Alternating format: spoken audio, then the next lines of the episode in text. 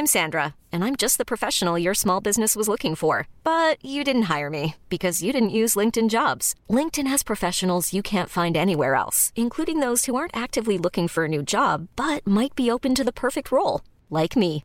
In a given month, over 70% of LinkedIn users don't visit other leading job sites. So if you're not looking on LinkedIn, you'll miss out on great candidates like Sandra. Start hiring professionals like a professional. Post your free job on linkedin.com/achieve today.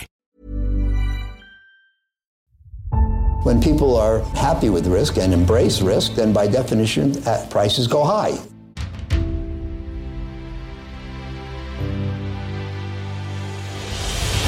When the cycle turns down, they generally sell at prices that are far too low. This is not about getting more information. We live in a world where we have too much data. I'm uh, happy to report another stable quarter.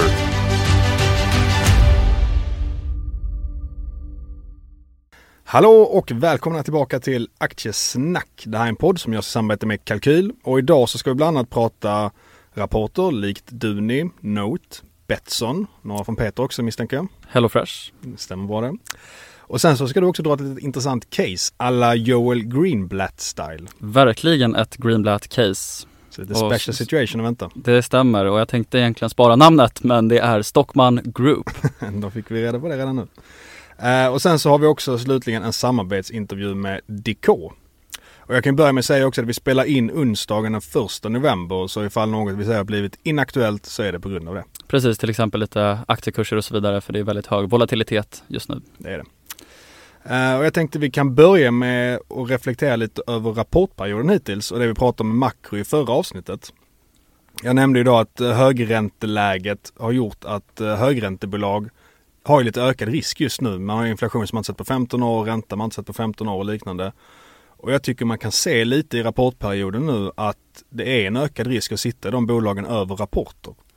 Till exempel har vi ju byggexponerade bolag som JM är ner 15%, Skanska ner 12% idag. Vi har Hexatronic ner 20%, konsumentrelaterade bolag, Electrolux ner 20%, Mips ner 10%. Och det finns jättemånga exempel på det egentligen. Jag bara nämnde några av dem nu. Och många av de bolagen de är inte bara eh, känsliga för ränta för att de har mycket skuld utan de är också operationellt känsliga för konjunkturen. Ja, Så det exakt. blir som typ en double whammy för många bolag. Ja, verkligen. Och eh, där tycker jag att man kan reflektera lite över det att över rapporter nu i sådana här lägen då kan det vara värt att kanske inte sitta över just rapporten. Om man nu vill investera i de bolagen. Det finns ju såklart andra exempel som Lindab som är upp 10% men jag tycker ändå det är en tydlig trend att över just rapporter så kan de här bolagen, de har en ökad risk. Det kan förmodligen komma negativa överraskningar. Och även om det kanske borde vara inprisat så är det ofta inte det utan det blir de här starka reaktionerna neråt ändå. Så det är lite vad jag eh, personligen gör i sådana här lägen. Jag ligger inte i de sektorerna som då har den här makrorisken fundamentalt. Sen kan man ju alltid ha den här andra versionen att man köper de här utbombade aktierna.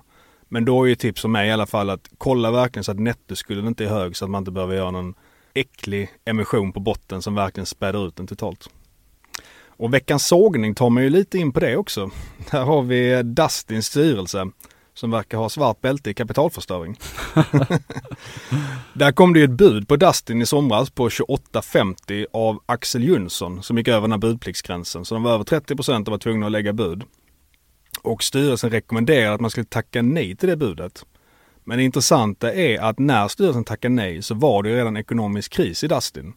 Och nu får man göra en emission för att inte bryta mot lånekonvenanterna. Och eh, har du sett vad kursen blev på emissionen? Nej, 5,15 all right. istället för 28 kronor per aktie. Och det kan ju omöjligen vara så att styrelsen i Dustin inte hade koll på det här när de då rekommenderade att tacka nej till det här budet på 28 kronor. Så det bästa för aktieägarna hade ju varit att tacka ja till det här budet. Och det visste förmodligen styrelsen om. Och då kan man ju fråga sig lite, vem är det som tjänar på den här emissionen egentligen? Och det är ju Axel Jönsson som sitter i styrelsen garanterar emissionen nu och dessutom får komma in i bolaget och köpa en väldigt stor del på en väldigt nedpressad kurs, vilket de vill. Och då kan man ju fråga sig varför tar styrelsen och inte rekommenderar att tacka ja till det här? Då kollar jag lite på ägandet hos styrelsen och vet hur mycket de äger förutom då Axel Jönsson. Nej, 0,26% av bolaget. okej. Då har du svaret. Ja, exakt. Så det är ju verkligen en viktig grej att kolla på, speciellt i bolag som har lite svårt ekonomiskt, att du vill ju ha skin in the game då, så att de sitter i samma båt som aktieägarna. Mm. Och det är också någonting som Joel Greenberg pratar mycket om, att just när det kommer till den här typen av bolag som har lite financial distress, då är det viktigt att styrelse och liknande sitter på mycket aktier. Det är väl viktigt i alla bolag egentligen, men kanske i synnerhet krisande bolag. Ja, och det är därför vi ofta tjatar om insiderägande och liknande. Mm. Och sen så ännu roligare, då blir det också så att en, det blir ju då jäv för vissa andra i styrelsen som hade kontakt med Axel Jönsson. Men alla har ju förmodligen en ganska bra relation till det företaget eftersom de sitter i styrelsen tillsammans.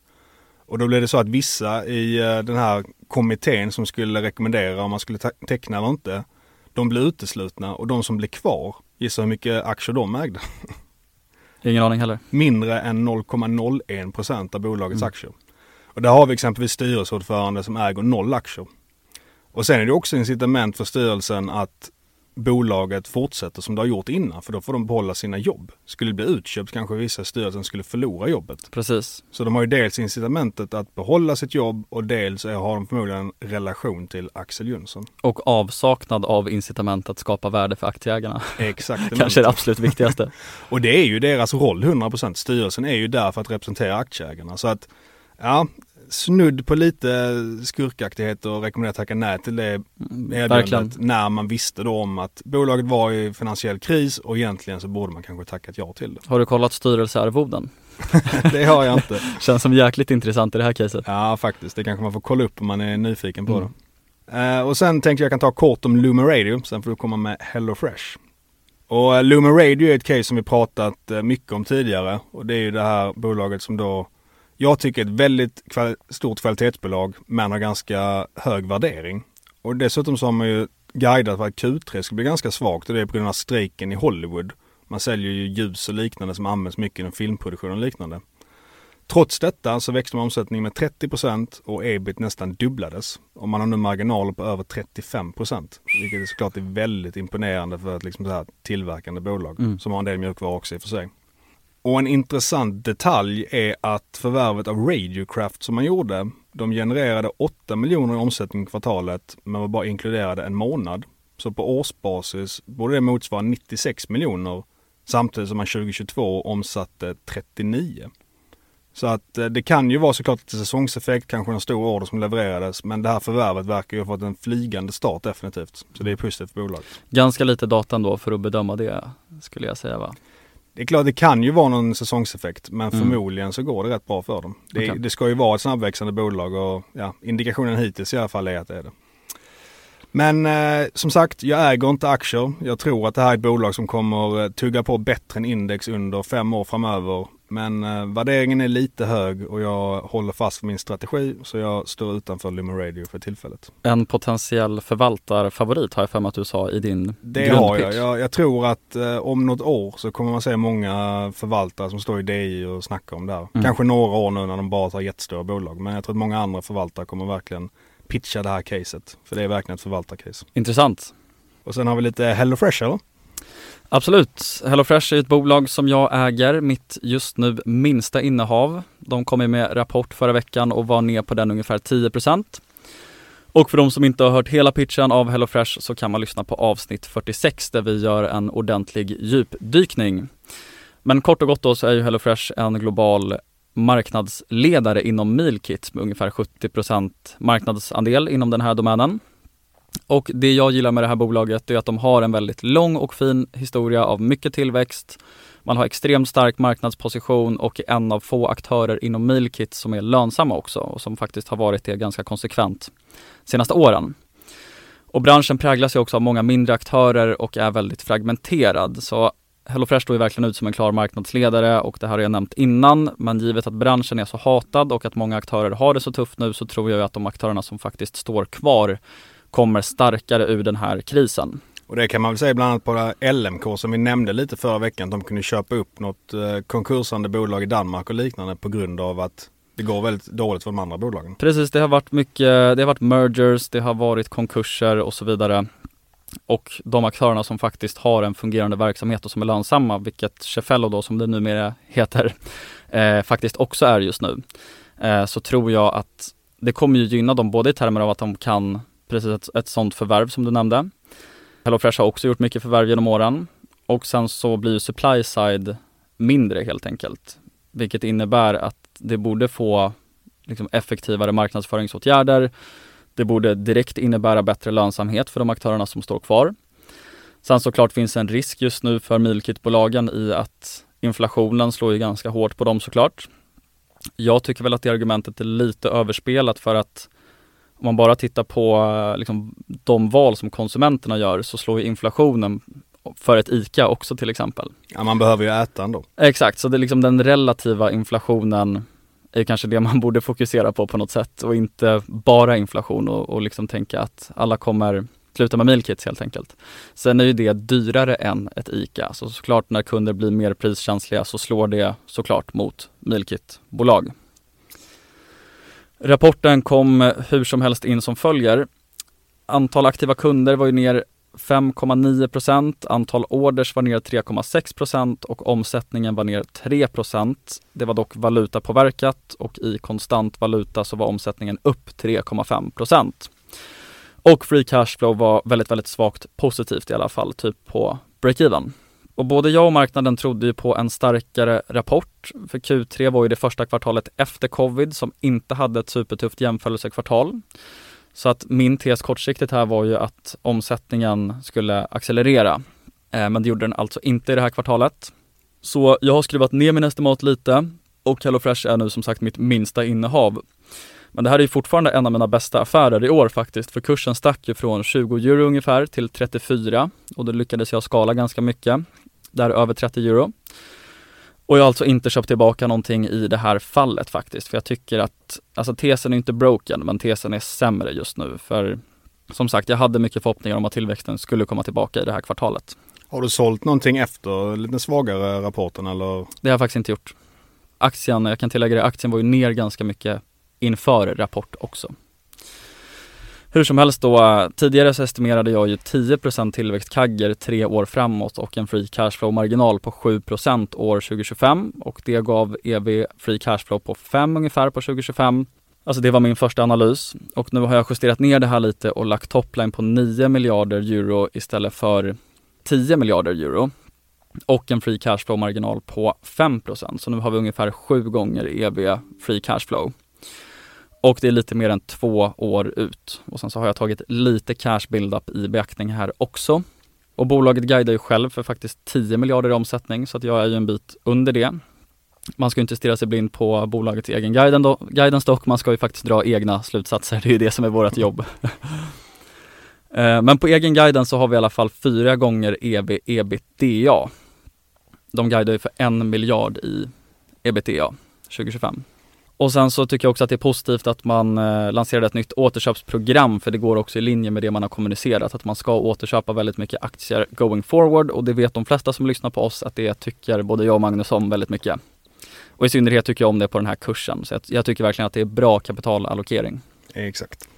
Och allt det här sagt då så blir ju Q4 ett eh, viktigt kvartal för mig när det kommer till HelloFresh. Skulle bolaget inte visa något tecken på att tillväxten kommer tillbaka då kommer jag faktiskt både tappa lite förtroende för management, för de har upprepande gånger sagt att under H2 2023 så ska man börja växa igen. Och man ska också göra det lönsamt. Och lönsamheten är inte superstark just nu heller. Ja, Q4 blir otroligt spännande och eh, som sagt, minsta positionen just nu. Jag tycker fortfarande att det är ett jättespännande case. Jag tycker fortfarande att värderingen ser attraktiv ut. Så det är mina tankar på HelloFresh just nu. Det är väl ofta så vi, eh, vi tänker kring investeringar. vi har en tes som då har ofta ett positivt scenario och spelar inte den ut sig då, då är vi ofta i säljlägret helt enkelt. Precis och där är det väldigt viktigt att, att vara ganska ruthless.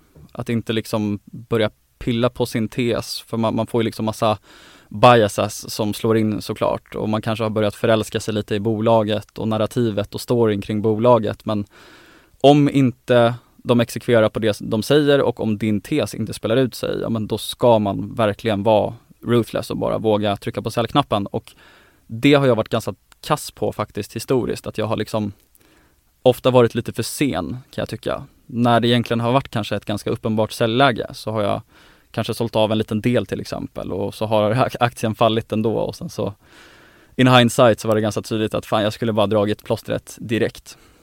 Det är ju lätt hänt och det är, det är ju så man hamnar i surdegar när man inte drar plåstret. Och det är då man kan få Precis. de här 80% ner som verkligen skadar portföljen långsiktigt. Så är det. En intressant grej dock med att aktiekursen är så nedtryckt nu, det är också att återköpsprogrammet blir per definition mer värdeskapande. Det har ju Buffett pratat ganska mycket om det här att alltså så länge operations rullar på bra om man återköper mycket aktier, men då kan det faktiskt vara väldigt värdeskapande för dig som befintlig ägare om aktiekursen är låg under en period när bolaget återköper aktier. För eh, ett återköpsprogram kommuniceras ju i, i antal kronor eller dollar eller vad, vad det nu är för valuta. Eh, och det innebär egentligen att om aktiekursen är lägre så kan de återköpa mer aktier för den pengen. Så det är väl någon typ av skön krockkudde att de faktiskt återköper en del aktier nu. Det de lanserade nu, eh, återköpsprogrammet, löper hela 2024 ut och då ska man återköpa på nuvarande kurs ungefär 4% av bolaget. Så det är ändå lite value creation. Absolut, det är ändå en eh, viktig take att ha med. Det är därför vi gillar återköp också egentligen. I bolag som man gillar från början. Sen så har vi Duni också.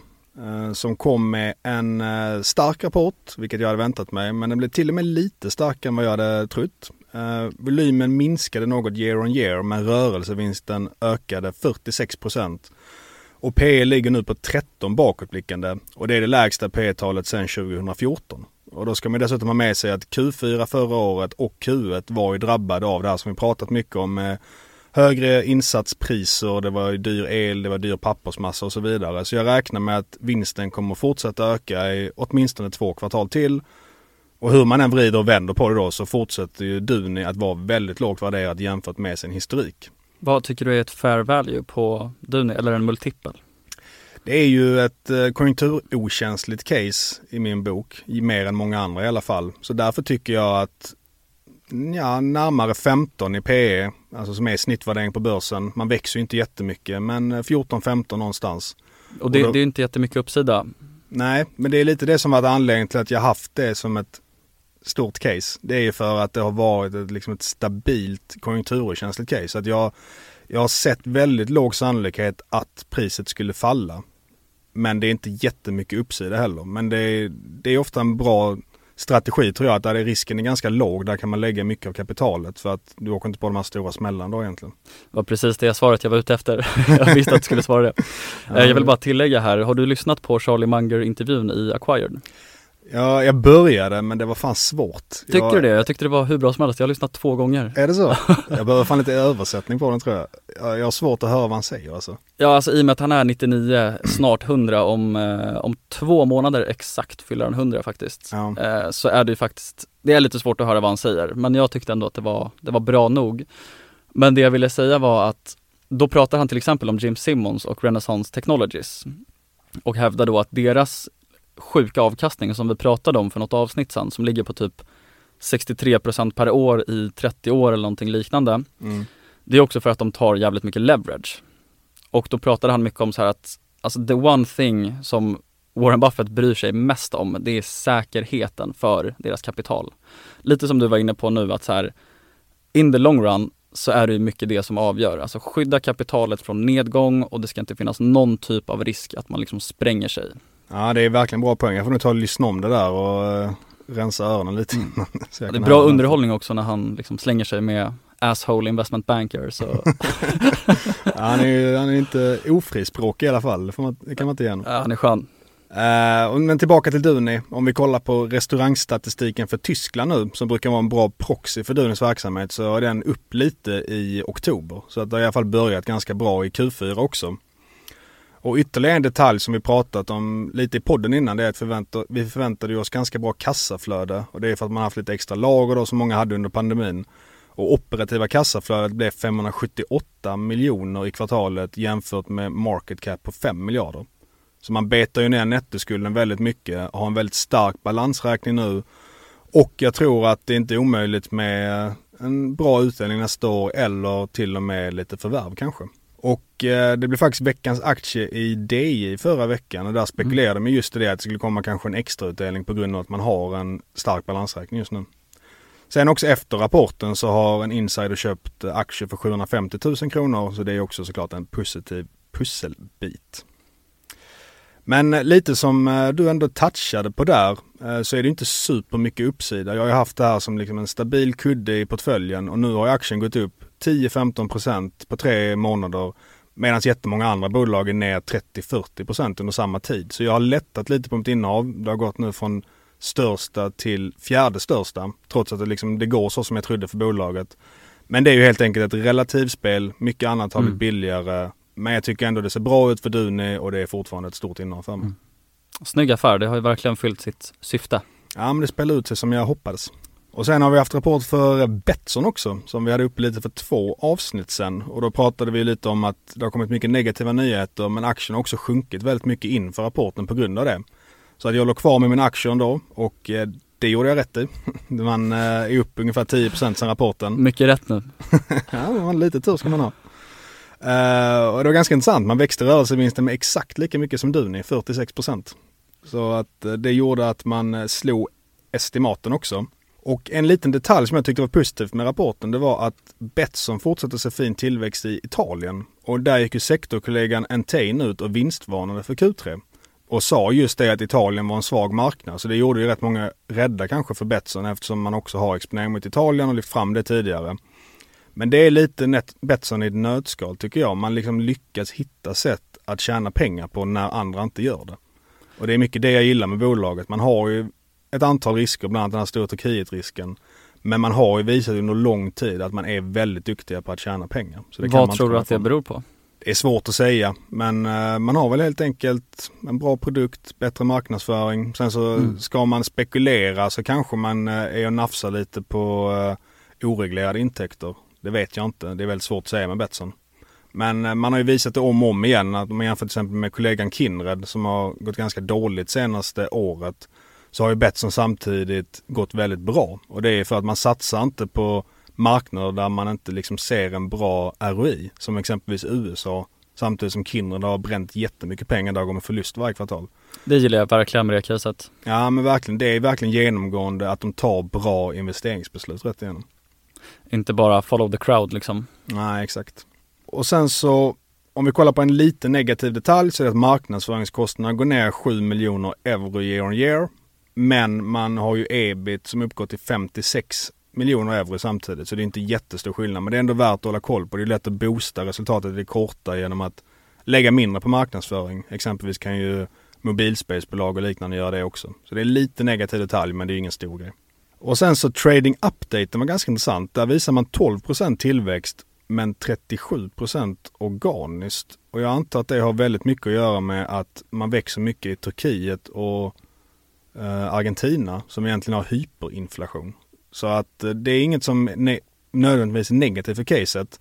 Men Turkiet är ju liksom lite mer osäker marknad så man ska ändå ha med sig det att det verkar som att Turkiet går väldigt bra och det står för väldigt stor del av vinsten i, i caset.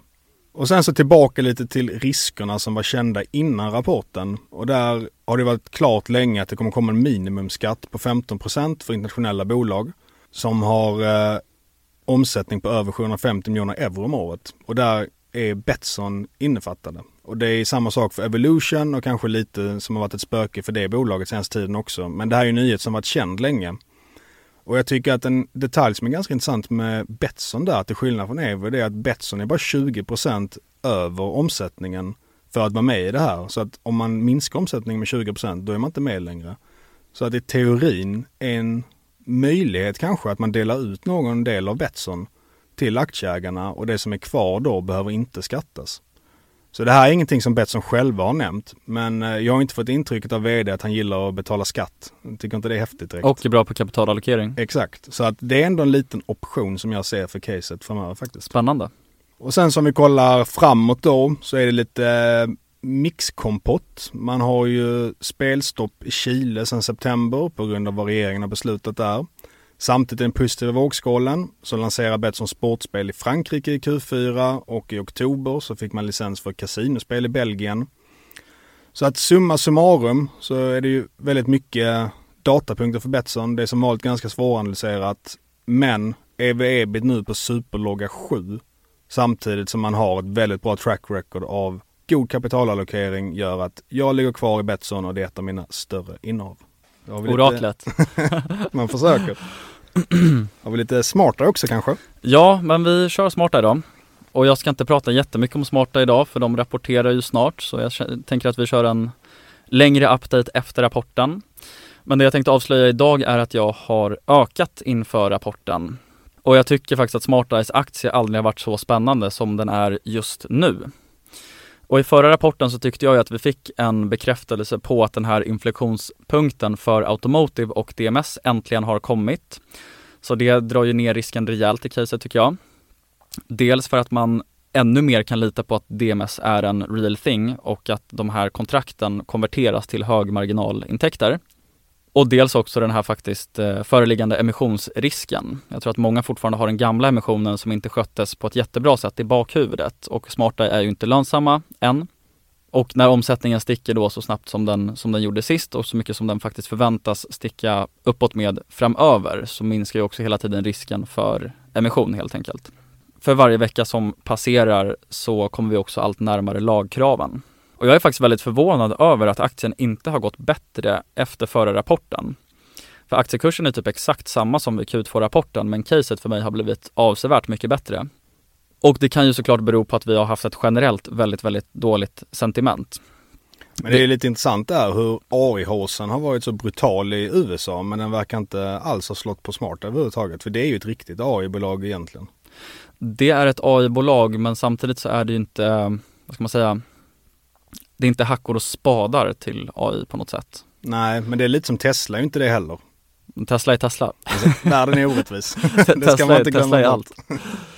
Uh, nej men jag, jag, tycker väl ändå att det är ganska rimligt att Smarta inte har dragits med i den håsen. Dels är det ett väldigt, väldigt litet bolag som nog få känner till och sen så som sagt det är inte hackor och spadar till, till AI på något sätt utan de bygger ju eye tracking för de som inte känner till det vilket är en, en lösning som en mjukvara som sätts i kameror som analyserar folks ögon och kan studera människors beteende. En annan sak som jag vill lyfta kring smarta det är också att i och med att konjunkturen är som den är så gillar jag ju också att det här faktiskt bygger på en reglering. Det är det hela caset bygger på. För att oavsett hur strama ekonomier och hur tufft biltillverkare har så kan de helt enkelt inte tacka nej till DMS. Och DMS står för Driver Monitoring Systems.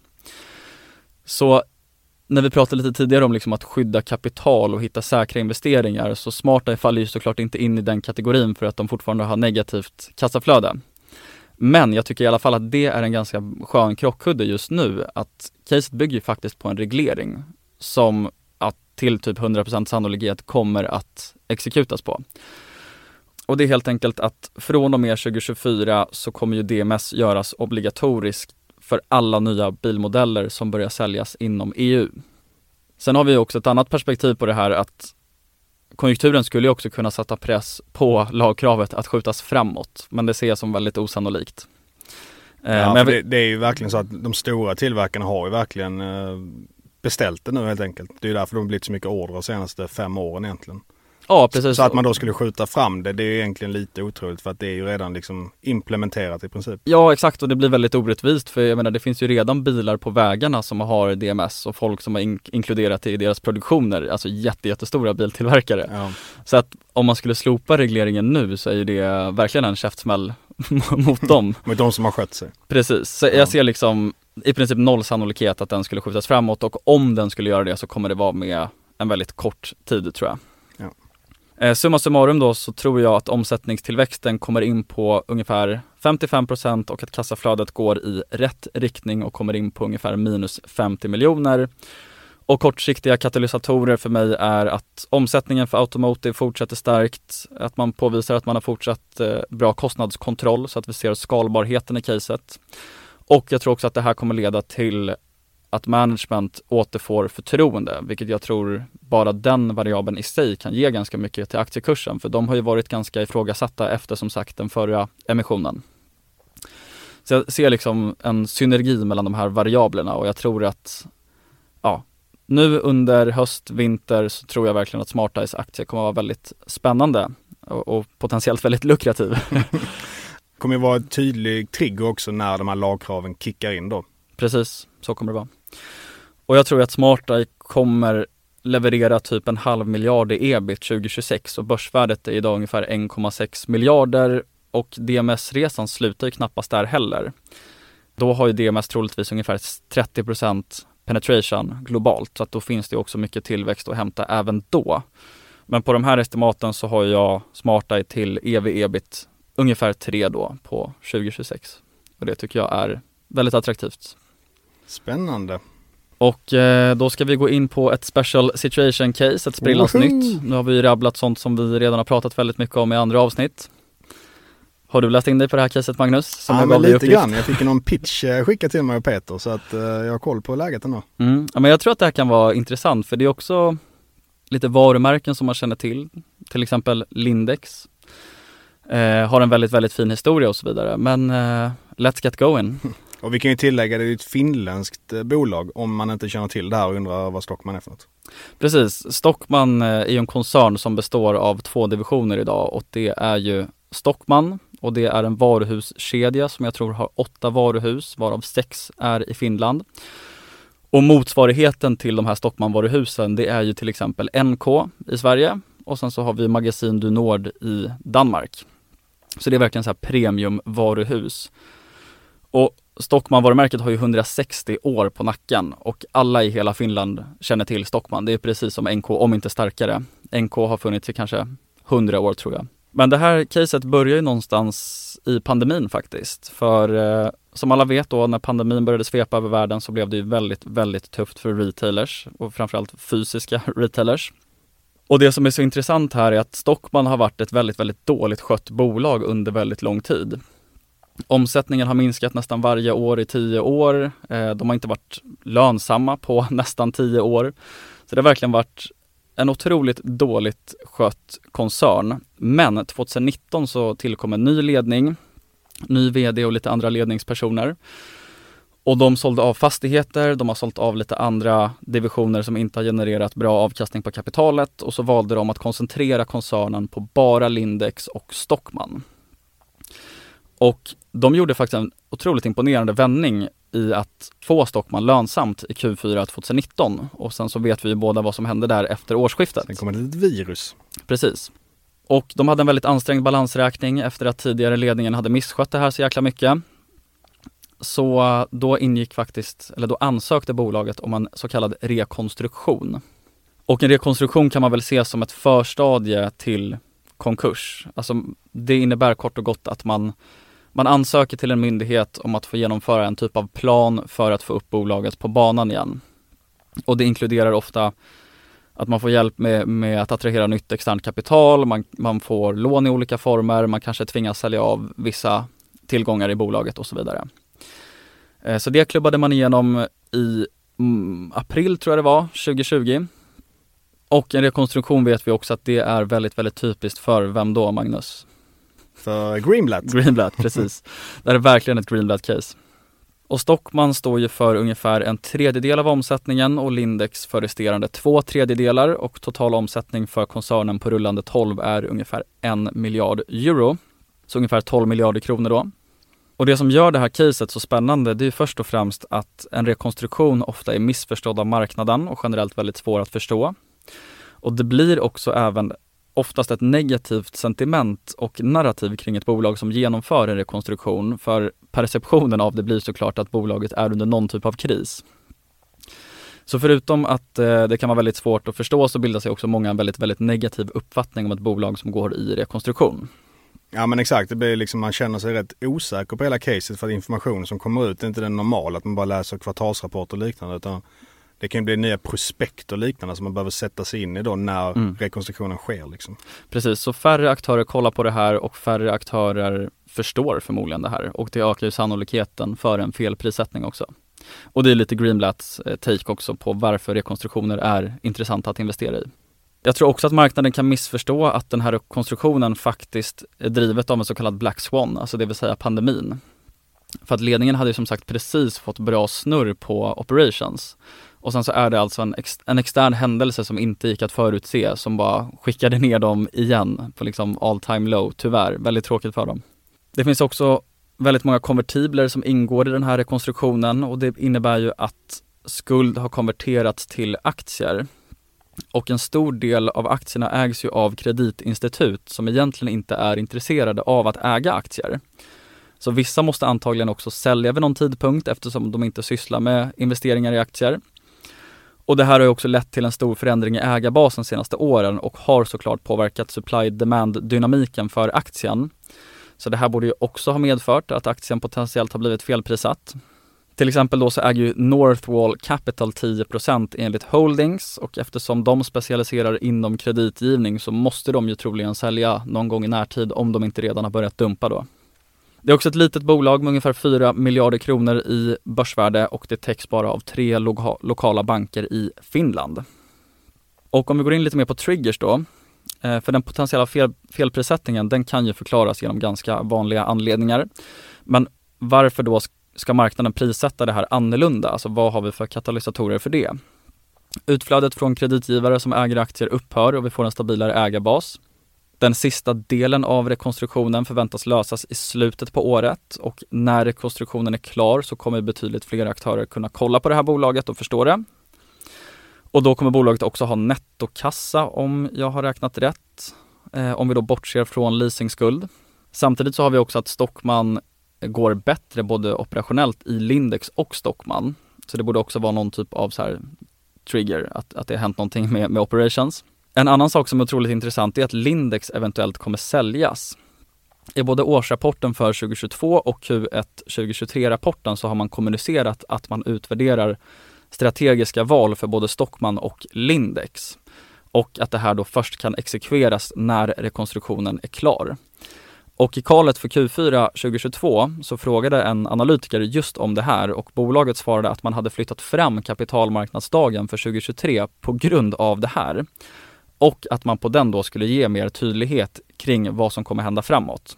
Och visst är det så att Lindex är lite finare del när det kommer till typ marginal och tillväxt och så vidare. Så man kanske kan få en högre multipel på det ifall man säljer det. Precis, Lindex är absolut den finare delen. Kommer komma in lite på det där med en potentiell buyout också. Och den här kapitalmarknadsdagen hålls ju faktiskt om ungefär två veckor, den 16 november. Så det ser jag också som en potentiell trigger, men det kanske kanske för sent om man köper efter den. Och utöver de här katalysatorerna så är det också väldigt intressant att en av Europas största varuhuskedjor som heter Peak and Kloppenberg, de köpte 5% av Stockman runt årsskiftet 2022-2023. Och det som är väldigt intressant här, det är att Peak and Kloppenberg förvärvade Magasin du Nord det är ju det här premiumvaruhuset i Danmark. Jag antar att du har varit på Kongens Nytorg där vid eh, Nyhamn. Ja men det ska jag nog ha varit. Ja det är i alla fall ett super superfint eh, varuhus som man typ inte kan missa när man är där. Eh, men de köpte i alla fall det 2021. Och det här bolaget tar ju normalt heller inte minoritetsposter. Och eftersom Peak Kloppenberg har slagit samman ägandet och rösterna i ett joint venture med den tidigare största ägaren som heter Konstsamfundet så äger de ju tillsammans nu 15% och är därmed största ägare med god marginal. Och de har också styrelserepresentation i det här bolaget. Så det här tycker jag är en ganska stark indikation på att de är intresserade av att köpa Stockman. Mm. Och förmodligen så är de ju också intresserade av Stockman-varuhusen för att det är hela deras core business, att äga liksom premiumvaruhus. Vilket också ger lite mer färg till att man kan nog pusha för en försäljning av Lindex, och så har man liksom ett, ett renodlat Stockman som man är ute efter. Så att jag tror att det är rätt hög sannolikhet att det blir ett uppköp av det här. Ja men väldigt intressant och man ska komma ihåg det såklart att uppköp sker nästan alltid till premium. Annars är det inte värt att köpa och sälja. Att, eh... Precis. Och som du var inne på lite tidigare Magnus, det finns ju typ heller inga andra starka ägare och insiderägandet, om vi då bortser från Piken Kloppenberg, det är typ noll. Så att så här, det, det, finns nog inte heller så många som motsätter sig det. Alltså i och med att de har så mycket makt just nu, eller inflytande kanske vi ska säga. Ja. Och kollar vi på värderingen då så handlas ju bolaget nu till ungefär fem gånger rörelseresultatet och då har det som sagt också skett en turnaround operationellt. Sen så ligger ju den stora frågan här någonstans på den väldigt, väldigt stora leasingskulden. Alltså räknar vi med leasingskulden på 550 miljoner euro i Enterprise Value så får vi alltså EV ebit 12 just nu. Och jag gav ju dig uppgift Magnus att, att kolla lite på det här bolaget och du är duktigare än mig på liksom redovisningstekniska saker så jag bollar över frågan här till dig. Va, va, hur tycker du man ska tänka kring leasingen här? Ja, men jag har funderat en del på det men jag har inget eh, klockrent svar. Men leasingen är ju liksom att istället för att du köper då kanske byggnader som du har dina varuhus i och så tar du på dig en massa skuld så hyr du egentligen varuhusen, alltså du leasar dem istället. Och det blir ju rätt mycket som en skuld för att du har ju liksom en räntekomponent i den här leasingdelen då. Så att det är ju så, går räntan upp då betalar du mer i leasing, precis som du betalar mer på ett lån. Men du har inte det här problemet med lånekovenanter och liknande och du sitter ju inte på en väldigt stor skuld som liksom är farlig egentligen. Som kan innebära att du bryter med lånekovenanter och kanske går i konkurs och liknande. Mm. Så jag tycker det är liksom bättre än en vanlig skuld. Men samtidigt så måste man ju ha leasingen där för att bedriva verksamheten. Sen kan de såklart flytta till annat varuhus, man har lite större flexibilitet och så vidare. Mm. Men det behövs ju samtidigt för att driva businessen framåt. Liksom. Men sen är det så med Stockman också att när man kollar på kassaflödena de får in, även om man då räknar med själva leasingbetalningarna, mm. så är det ju ganska låg multipel på dem. Mm, absolut. Kanske fem gånger. Ja, mm. och det är ju då man inte räknar med leasingskulden i EV helt enkelt. Utan man bara tittar ja. på hur kassaflödet är för själva grundbusinessen precis. Värt att nämna är också att det pågår en twist kring leasingen just nu som inte jag har haft tid och orkat sätta mig in i än faktiskt. Eh, men jag tolkar det som att Stockman försöker ducka en del av leasingen. Och exakt varför vet jag inte, men det är också liksom ett potentiellt utfall som blir bättre helt enkelt än att räkna med hela leasingen. Och kan, kan det bli sämre också eller är det liksom att de försöker förbättra situationen i Sämre i kan det nog inte bli tror jag. Ja. Eh, som jag har förstått i alla fall. Sen så vill jag också tillägga att alltså när det kommer till tvister och sådana här saker så kan ju det också innebära att Alltså processen för att rekonstruktionen ska bli klar skulle också kunna dras ut lite på om man liksom inte får ordning på den här tvisten med leasingen. Och alltså hade det inte varit för den här frågan kring leasingen så tycker jag att det här hade varit ett sjukt intressant köp just nu. Men jag vill förstå det lite bättre och jag har valt att vänta till kapitalmarknadsdagen för jag tror att de kommer prata kanske då framförallt om det här och sen som sagt då strategiska val för både Stockman och, och Lindex framåt då. Så för den som gillar att gräva, jag vet några lyssnare som, som kommer älska det här, så är det här verkligen ett jäkligt spännande special situations play. Ja, det är ju verkligen ett grävcase där man kan skaffa sig en edge genom att verkligen ha koll på alla de här olika grejerna som vi pratat Exakt. om. Exakt, det här är ett sånt typiskt case att känner du att du får grepp om allt det vi har pratat om, alltså alla frågetecken, då är det ett sånt typiskt case där du faktiskt bara kan vikta upp det ordentligt. Och ha en edge liksom. Och, ha, och bara lita på att du har en ordentlig edge ja. Precis. Och det är nog också så att många fondbolag vågar inte riktigt för att de känner att ah, men det är för riskabelt, vi vill inte åka på en smäll så vi halkar efter vårt jämförelseindex och liknande. Just det, det, det där tänkte jag också nämna. Alltså, rekonstruktioner generellt får ju väldigt lite institutionellt kapital just för den anledningen. För det, det ser helt, helt enkelt inte bra ut. Mm. Alltså om en fond skulle långa Stockman till exempel och sen så kanske de är liksom transparenta med vad de köper och de kanske skriver månadsbrev eller har någon topplista på innehav etc. Alltså, ofta kan man ju hitta det här om fonderna. Eh, då skulle de nog få jäkligt mycket frågor bara, men what, liksom äger ni typ ett konkursande bolag för att kunderna till den här fonden kommer inte riktigt fatta allting liksom. Ja. Eh, så, så det är ju också en bra anledning till att det här kan vara ännu mer fel, felprissatt för att institutioner generellt kollar inte på rekonstruktioner. Och de vill undvika jobbiga frågor helt enkelt. Så är det, precis så, precis så. Så ja, där har vi Stockman. Ja men grymt, intressant case verkligen. Då kanske vi kör en liten avslutning med eh, Note då.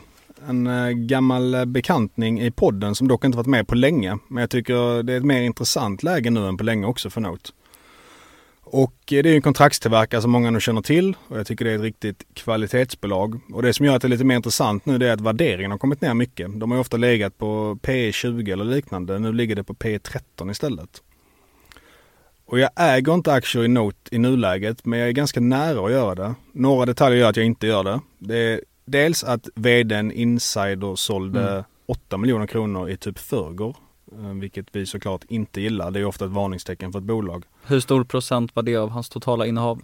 Jag tror det var 15% av innehavet eller liknande. Okej. Och han sa att det var av skattemässiga skäl. Men Mm, det jag är också det. sån, det är en sån grej som liksom så, ja. En jag jävla massa fan. skatt. ja. Ja. vad- vad- kan inte säga vilken skatt då, bara skattemässiga skäl. Ja. Det var lite för flummig förklaring. Det är bättre än eh, sommarstuga i alla fall. ja. Hus på Malta för 120 miljoner Ja. som Calita. Uh, och sen så, det är mycket andra intressanta case där ute. Det är inte superbilligt heller just nu och det finns inga så riktigt tydliga triggers framöver. Men det är verkligen ett case jag håller bevakning på framöver för jag tycker det är ett intressant läge. Och rapporten var ganska stark. Man växte 8% organiskt i kvartalet. Om man räknar bort då att förra året så blev det lite extra kostnader som man bara direktfakturerar utan vinst till kunderna för att det var så mycket inflation i insatsvaror och liknande. Så räknar man bort det, det var det 8% organisk tillväxt. Sen så en grej som jag tror kan oroa marknaden rätt mycket det är att orderboken minskar ju för typ alla de här bolagen. Men det är ju för att nu har du inte de här väntetiderna på få komponenter. Så det gör att kunderna behöver inte beställa så långt i framtiden. Så nu säger man att orderlagret går tillbaka till hur det var innan pandemin. Alltså kunderna beställde några månader innan. Medan kunderna beställde många månader innan för att kunna verkligen försäkra sig om att man hade grejerna. Och då får man ju fråga sig själv, liksom, tror jag på bolaget att det är så? Eller krymper orderboken? Och min slutsats där är att förmodligen så är det så. För att det är ju fullt logiskt att kunna börja bete sig igen som innan pandemin och då måste ju orderingången liksom minska och orderboken. Och sen så är det också att alla andra bolag i sektorn säger samma sak, vilket också är en indikation på att det är inte bara någonting som Note hittar på det här egentligen. Så det är min take på den grejen i alla fall.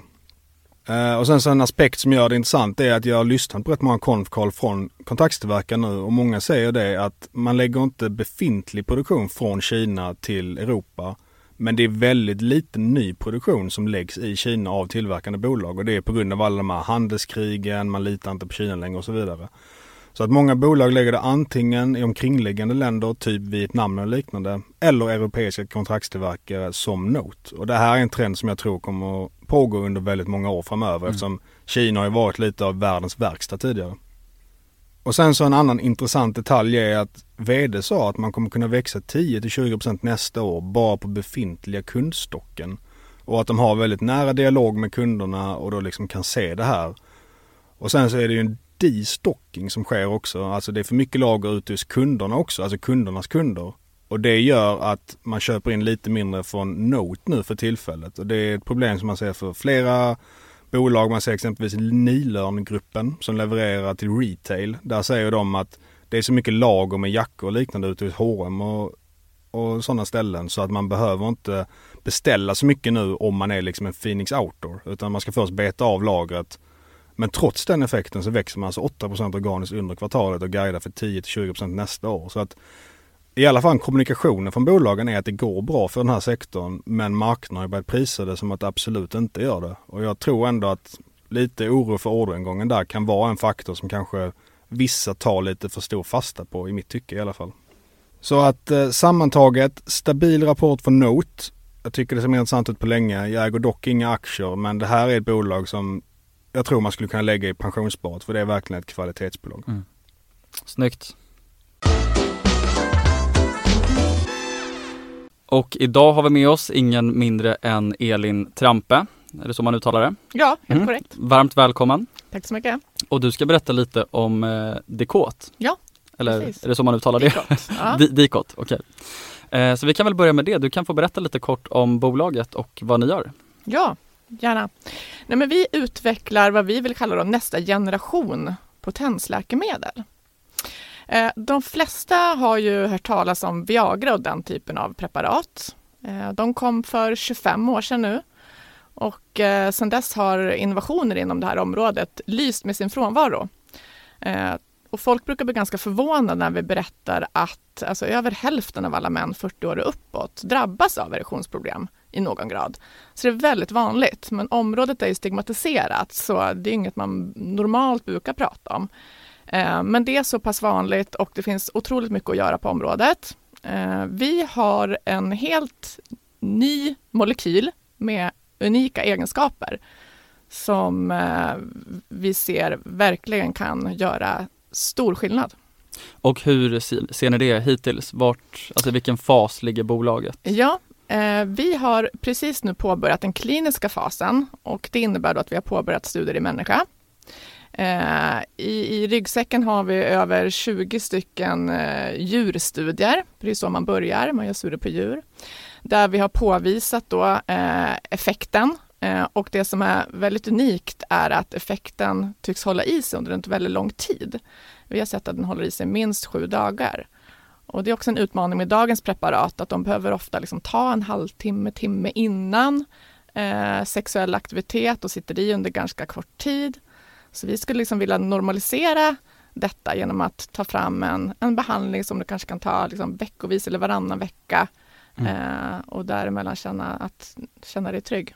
Och det som finns på marknaden idag, det är alltså Viagra? Ja, det är Viagra och, och, och liknande preparat, alltså generika. Alltså, mm. Så att de har ju samma typ, det är samma typ av substans egentligen kan man säga, eh, förenklat. Eh, och, och ja, vi vet också att så många som hälften av de som får det här preparatet förskrivet avbryter behandlingen. För att man upplever inte att man får önskad effekt och, eh, eller att det är biverkningar eller andra typer av liksom, utmaningar. Men det känns ju rätt passande. Vi har ju förmodligen många män 40 plus som lyssnar på det här. Så det är nog en, en bra målgrupp för er. Då borde ju hälften ha potensproblem då. Och eh, när förväntar ni er att ni når kommersiell fas? Mm. Eh, den här kliniska fasen som vi precis har påbörjat nu, den får man räkna med tar ungefär 4-5 år. Eh, så så det är ju ett par år bort och det är ju så med läkemedelsutveckling att, att det tar lite tid. Finns det några andra bolag med liknande forskningsområde och liknande affärsmodell? Nu har vi inte pratat om vad ni ser som er framtida affärsmodell eh, som ligger längre fram i resan som man kan ha som någon typ av jämförelseobjekt eller peer? Ja, alltså om jag kort och bara drar lite grann vår affärsmodell mm. så går den ut på att vi ska utveckla Libnoletto som vi kallar vår läkemedelskandidat eh, till och med klinisk fas 2. Det brukar man kalla med att man då har liksom proof of concept i människa och sen därefter liksom ingå eh, partnerskap tillsammans med lite större etablerade bolag, både som en del liksom finansieringen men också att liksom snabba på utvecklingen med hjälp av deras typer av liksom resurser och muskler eh, för att få det här till marknaden så fort som möjligt. Där, eh, den affärsstrategin delar ju vi med många lite mindre läkemedelsbolag, så där skulle jag vilja säga att där är vi inte unika. Eh, sen när man tittar på också som jag förstår det är en fråga om det finns andra som forskar inom området så är det ju förvånansvärt liksom, lite som händer inom, inom det här området. Eh, sexuella dysfunktioner. Nu har jag mest pratat om potensproblem hittills, men vi ser också att våran tycks ha en effekt också mot en annan indikation som kallas för tidig utlösning. Eh, som också drabbar framförallt lite yngre män eh, så, och, och, kan vara väldigt liksom, problematiskt. Eh, och det, det, finns ett annat bolag, ett danskt bolag faktiskt, som också jobbar med, eh, med indikationen erektionssvikt. Um, men där ser vi att det, det behövs, det behövs liksom mycket alltså förbättrade behandlingar så att det är bra mm. att det händer saker inom det här området.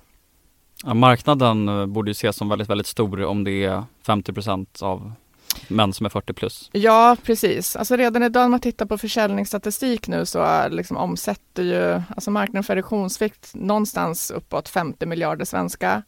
Eh, tidig utlösning 30 miljarder svenska och då är det bara försäljningsstatistik och eh, för de som kommer ihåg vad jag sa innan att det är liksom hälften av de som provar behandlingen idag som avbryter så finns det en jättestor liksom, reell marknad där ute som liksom dagens behandlingar inte riktigt liksom adresserar mm. Och då antar jag att det som kommer göra att ni tjänar väldigt mycket pengar, det är att ni liksom lyckas i de här studierna och sen så får ni patent på det också. Och så ja. ska ni kunna sälja till en väldigt stor målgrupp och göra det liksom med ganska lite konkurrens om man säger så då, om ni får fram en bättre substans, det vill säga än alternativen som finns idag. Exakt. Eh, vi jobbar redan idag väldigt mycket med patent. Vi har redan två beviljade patentfamiljer. Vi har eh, ganska nyligen här skickat in två stycken ytterligare patentansökningar, varav en är en internationell patentansökan som faktiskt omfattar 157 länder. Eh, så vi jobbar väldigt aktivt där, för det är ju en jätteviktig del, både liksom här och nu att bygga värde för liksom bolaget. Det är mycket det investerare tittar på också. Och även framtida samarbetspartner, att man har liksom mutat in det här området ordentligt den här typen av partnerskap som vi ser framför oss då, eh, brukar prata om utlicensiering av rättigheter att utveckla och marknadsföra och, och sälja. Det brukar alltid generera eh, såna här upfront payments i samband med att man signerar. Så att vi som läkemedelsbolag då kan ganska tidigt liksom, i utvecklingen få eh, ett positivt kassaflöde. Mm. Eh, och sen också då liksom milstolpebetalningar när man uppnått vissa resultat i utvecklingen och sen royalties på framtida försäljning. Och en bra sak för investerare eh, när man kollar på ett forskningsbolag, tycker både jag och Magnus, det är ju Alltså det, generellt så är det ganska svårt att utvärdera det utifrån en form av kassaflödesinvestering. Mm. Och bolag generellt i tidig fas kollar man ju ofta på människorna bakom. Så Mm. är det några specifika i till exempel styrelse, ledning eller i ägarlistan som du vill lyfta fram här? Ja, alltså kanske att jag faktiskt vill lyfta fram egentligen liksom bredden i Dikots styrelse. Eh, för att även om vi är i relativt liksom, tidig fas, då behövs det ju folk med liksom, en, en tung vetenskaplig bakgrund och det har vi. Men vi har också en väldigt stark liksom, förankring i, i liksom, eh, styrelseledamöter som har liksom, en finansiell bakgrund och eh, investerarbakgrund. Eh, Så jag skulle kanske liksom lyfta fram bredden. Men den som kanske de flesta känner till är Jan-Erik Österlund som kom in i Dikots styrelse eh, under året här. eh, Som har en väldigt liksom bred erfarenhet, internationell erfarenhet. eh, Så. Vad gäller ägandet så, så ser jag att vi har ett antal nu personer som har liksom ökat upp eh, sin, sin ägarandel och har varit med oss här nu på de senaste liksom, um, kapitalanskaffningarna på ett väldigt bra sätt och visar stort förtroende för bolaget. Mm. Så att, ehm, och sen vill jag nog lyfta fram också, vi är ett väldigt här, virtuellt bolag, så vi är ganska liksom, få anställda som därmed har möjlighet att liksom, upphandla den kompetens som behövs på en internationell arena. Och där har vi fått uppmärksamhet från väldigt framstående forskare och också kliniker inom området som eh, till exempel en amerikanare som heter Herren Padmanathan som var ansvarig studieläkare när Viagra eh, lanserades eller utvecklades ska jag säga. Eh, och, och, och egentligen har varit med i, i utvecklingen av de flesta preparat som finns på marknaden idag. Um, och han, han tittar på det vi gör och säger liksom att det här är den första um, revolutionerande molekylen han har sett sedan Viagra Mm. lanserades och han är också då uh, numera är med och stöttar oss också som en konsult. Um, så Okej. att uh, vi har bra stöttning därifrån också. Intressant. Mm. Och ni ska genomföra en kapitalrunda. Ja. Så du får gärna berätta lite om den här emissionen, teckningsperioden och varför man ska investera i Dikot. Ja, precis. Se om jag kommer ihåg att adressera alla de här frågorna. Eh, men eh, var, vi gjorde en företrädesemission i början på året eh, s- som faktiskt övertecknades. Så det var väldigt glädjande att få det förtroendet. Men i samband med det då så, så emitterades också två serier med teckningsoptioner. Så en gick i juni och sen går den sista här nu då i november. Eh, och, och hela den här eh, kapitalanskaffningspaketet eh, syftar till att finansiera bolaget genom just den här kliniska fas 1 och även förberedelser inför eh, klinisk fas 2. Eh, Så teckning för den andra serien optioner startade eh, det här första november och pågår fram till 15 november. Och vi noterade på Spotlight.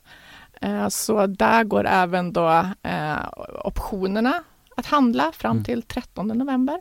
Ja. Om man inte sitter inne på optioner idag. Intressant. Suveränt, men det får vi säga stort tack för idag. Tack själva. Mm, tack så mycket för att du kom. Tack. Och lycka till. komma. Tack så mycket. Grymt, så det var allt för den här veckan. Lite intressanta rapporter. Jävligt nice att rapportsäsongen är igång. Slipper man se Skitnice. portföljen gå ner varje vecka på makronheter. Det är rätt nice också. Eh, Så att med det så tackar vi för idag och så hörs vi om eh, två veckor igen. Det gör vi. Stort tack för att ni har lyssnat allihopa. Stort tack, ha det underbart. Ciao, ciao.